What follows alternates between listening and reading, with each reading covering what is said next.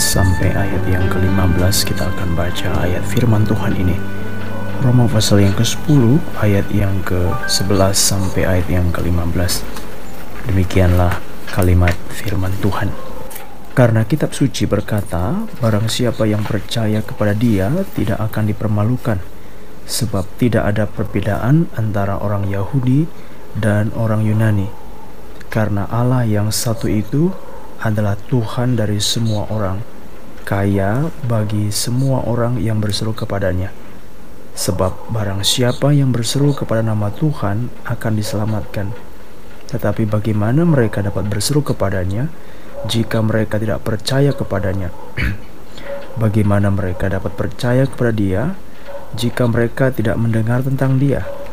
Bagaimana mereka mendengar tentang dia jika tidak ada yang memberitakannya?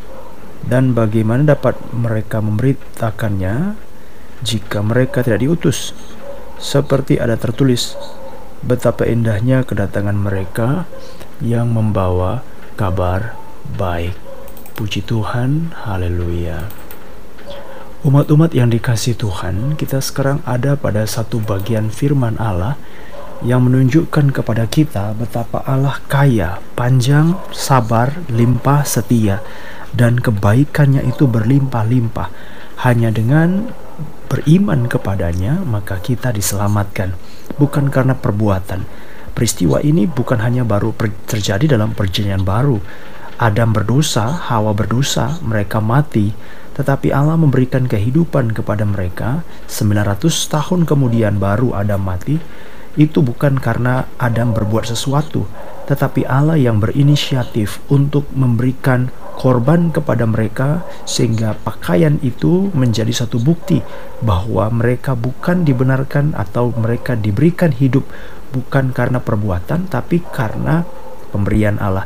Demikian juga Abraham percaya kepada Allah bukan karena dia lebih baik dan lebih saleh daripada yang lain, tetapi karena iman, karena anugerah Allah, sehingga Allah membenarkannya. Hal yang sama dengan Nuh hal yang sama dengan seluruh orang dalam perjanjian lama seperti kepada Daud. Daud juga adalah orang yang jahat. Daud juga adalah orang yang begitu berdosa dan dia berkata dalam surat Mazmur, kitab Mazmur bahwa dalam dari kandungan ibuku aku sudah berdosa. Jadi dia mengerti siapa dirinya, bukan karena perbuatan baik kita, tetapi karena apa yang dikerjakan Allah oleh karena iman.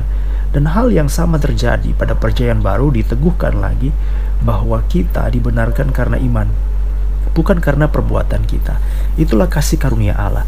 Dan apa yang Allah kerjakan oleh karena iman ini bukan hanya terjadi bagi orang Yahudi saja, tetapi Alkitab berkata juga bagi orang Yunani. Sebab tidak ada perbedaan antara orang Yahudi dan orang Yunani. Sebab tidak ada perbedaan antara orang Yahudi dan orang Yunani. Ini kata firman Tuhan.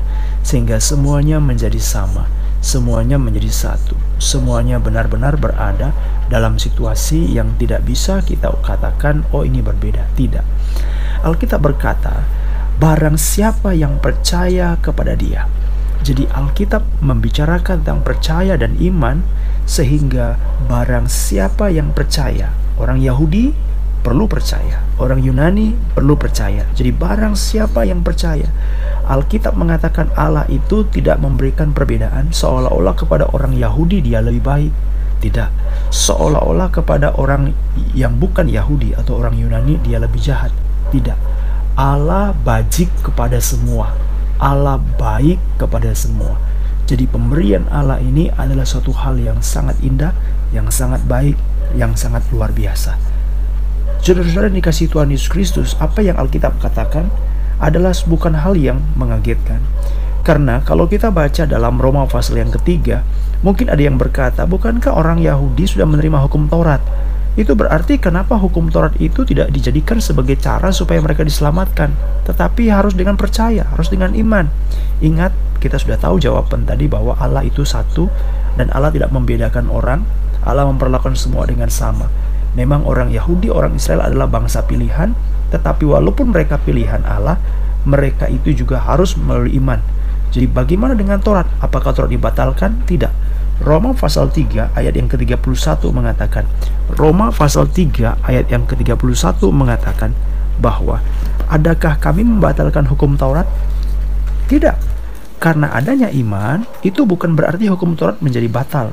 Justru sebaliknya, hukum Taurat itu diteguhkan oleh Injil, oleh iman.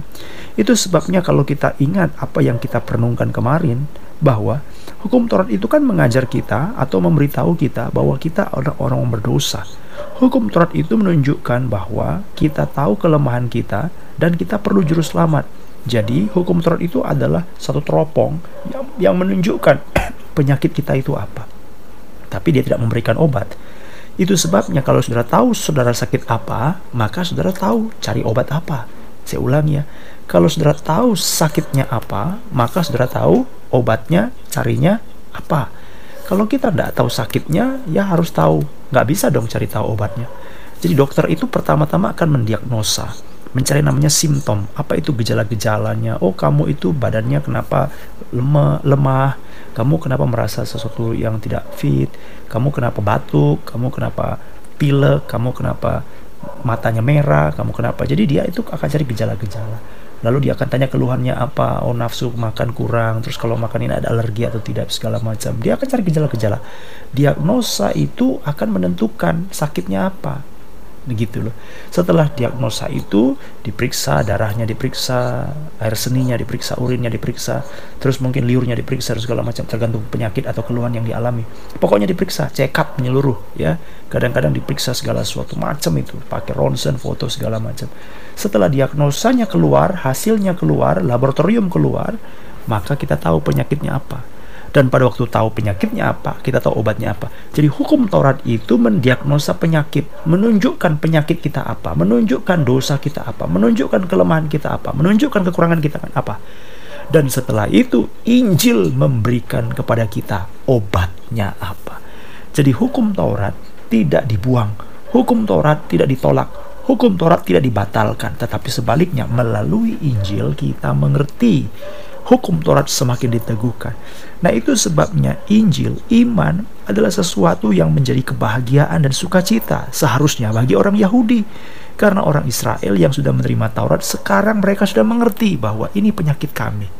Tetapi adalah kesombongan bagi mereka karena mereka merasa bahwa kami sanggup mengerjakan hukum Taurat. Itu sebabnya mereka tidak mendapatkan kebenaran, tidak mendapatkan keselamatan. Tetapi Alkitab berkata, orang Yahudi perlu iman, kamu justru adalah orang yang berbahagia karena aku berikan solusi iman kepadamu. Jadi Allah itu satu dan dia memperlakukan dengan adil sehingga siapa pun yang datang kepadanya harus melalui iman. Dalam hal ini kita bisa melihat tidak peduli saudara dari keluarga apa, tidak peduli saudara latar belakang apa, tidak saudara peduli berapa generasi menjadi orang Kristen, berapa generasi menjadi pelayanan bagi gereja, tidak peduli apa dan dari mana saudara datang. Karena semua orang perlu iman, perlu Injil, tidak ada perbedaan di hadapan Allah. Jadi Allah itu satu, Allah tidak menetapkan standar yang berbeda. Kalau saya kembali lagi mengajak kita untuk membaca dalam Roma pasal yang ketiga, ayat yang ke-20, Roma pasal yang ketiga, ayat yang ke-29, dia berkata seperti ini ya, Paulus berkata seperti ini. Atau adakah Allah hanya Allah orang Yahudi saja? Bukankah ia juga adalah bangsa-bangsa lain? Ya benar, ia juga adalah Allah bangsa-bangsa lain. Artinya ini apa? Artinya ayat 30, kalau ada satu Allah yang akan membenarkan orang-orang bersunat karena iman, maupun Allah juga pasti akan membenarkan orang-orang tidak bersunat karena iman. Jadi Allah itu satu, maka ukurannya satu. Allah itu satu, maka standarnya adalah satu. Allah itu satu, maka prinsipnya adalah satu. Allah itu satu, maka keadilannya adalah satu. Jadi saudara-saudara inilah yang kita sebut dengan kebahagiaan kita orang percaya. Allah tidak memberikan perbedaan sehingga siapa pun saudara, dari mana saudara datang, apa pun latar belakang keluarga saudara, apakah saudara orang Kristen atau bukan Kristen, apabila saudara datang dan mau diselamatkan, maka saudara tetap melalui iman. Saya punya modal, modalnya apa? Hukum Taurat. Hukum Taurat tetap berlaku dalam pengertian itu menunjukkan penyakit kita tetapi setelah penyakit kita kita ketahui, maka kita juga perlu obat, yaitu apa? Injil melalui iman. Saudara-saudara dikasih Tuhan betapa Allah itu bahagia. Itu sebabnya dia berkata, barang siapa barang siapa itu berarti siapa saja diberikan kesempatan orang Yahudi atau orang bukan Yahudi waktu Alkitab berkata barang siapa apa maksudnya siapa saja siapa saja itu berarti apa itu berarti bahwa semua orang yang sungguh-sungguh mengerti menyadari bahwa mereka adalah orang yang di membutuhkan keselamatan maka mereka perlu mengerti bahwa Tuhan memberikan kepada mereka sesuatu hal yang perlu mereka sadari. Mereka membutuhkan keselamatan dari Allah. Itu sebabnya saudara-saudara dikasih Tuhan Yesus Kristus, kita mulai menyadari hari-hari bahwa di mana kita ada, di mana kita hidup, di mana kita memiliki keadaan kondisi sekarang ini, biarlah kita memuliakan nama Tuhan. Saudara-saudara dikasih Tuhan Yesus Kristus, kita menyadari bukan karena kekuatan, bukan karena kemampuan, bukan karena kehebatan kita, tetapi karena kemurahan hati Allah. Itu sebabnya Alkitab mengatakan dalam ayat Roma pasal 10 ayat yang kita lanjutkan pada ayat yang ke-13 dia berkata seperti ini Roma pasal yang ke-10 ayat yang ke-13 Sebab barang siapa berseru kepada nama Tuhan akan diselamatkan Maaf ayat 12 Allah itu satu adalah Tuhan dari semua orang yang kaya bagi semua orang yang berseru kepadanya yang kaya bagi semua orang yang berseru kepadanya. Jadi kemurahan Allah itu luas.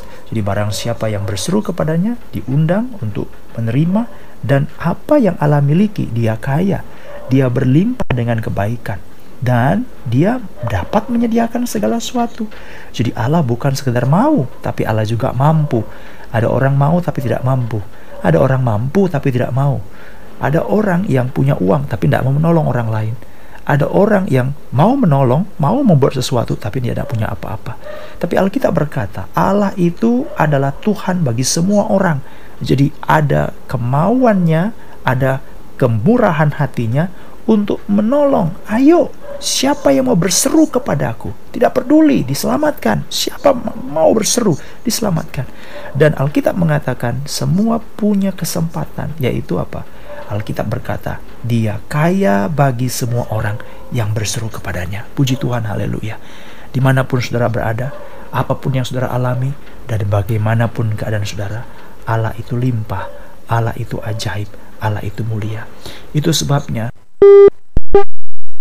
kenyataan yang sangat jelas sekali bahwa kita diselamatkan oleh karena iman. Tidak peduli latar belakang keluarga apa, saudara tahu dari mana, saudara adalah orang keberapa, bagaimana keluargamu banyaknya malah di gereja, tidak peduli semua orang dari iman. Tahap yang pertama. Yang kedua, Alkitab mengatakan semua orang yang berseru kepadanya, semua orang yang berseru kepadanya diterima dengan limpah karena Allah kaya dengan segala keselamatan dan kemurahan hatinya. Dan tahap yang ketiga kita pikirkan, karena Allah itu kaya, limpah, dan kita tidak tahu bagaimana rahasia Allah, kemurahan hati Allah, begitu panjang, lebar, tinggi, dan dalam.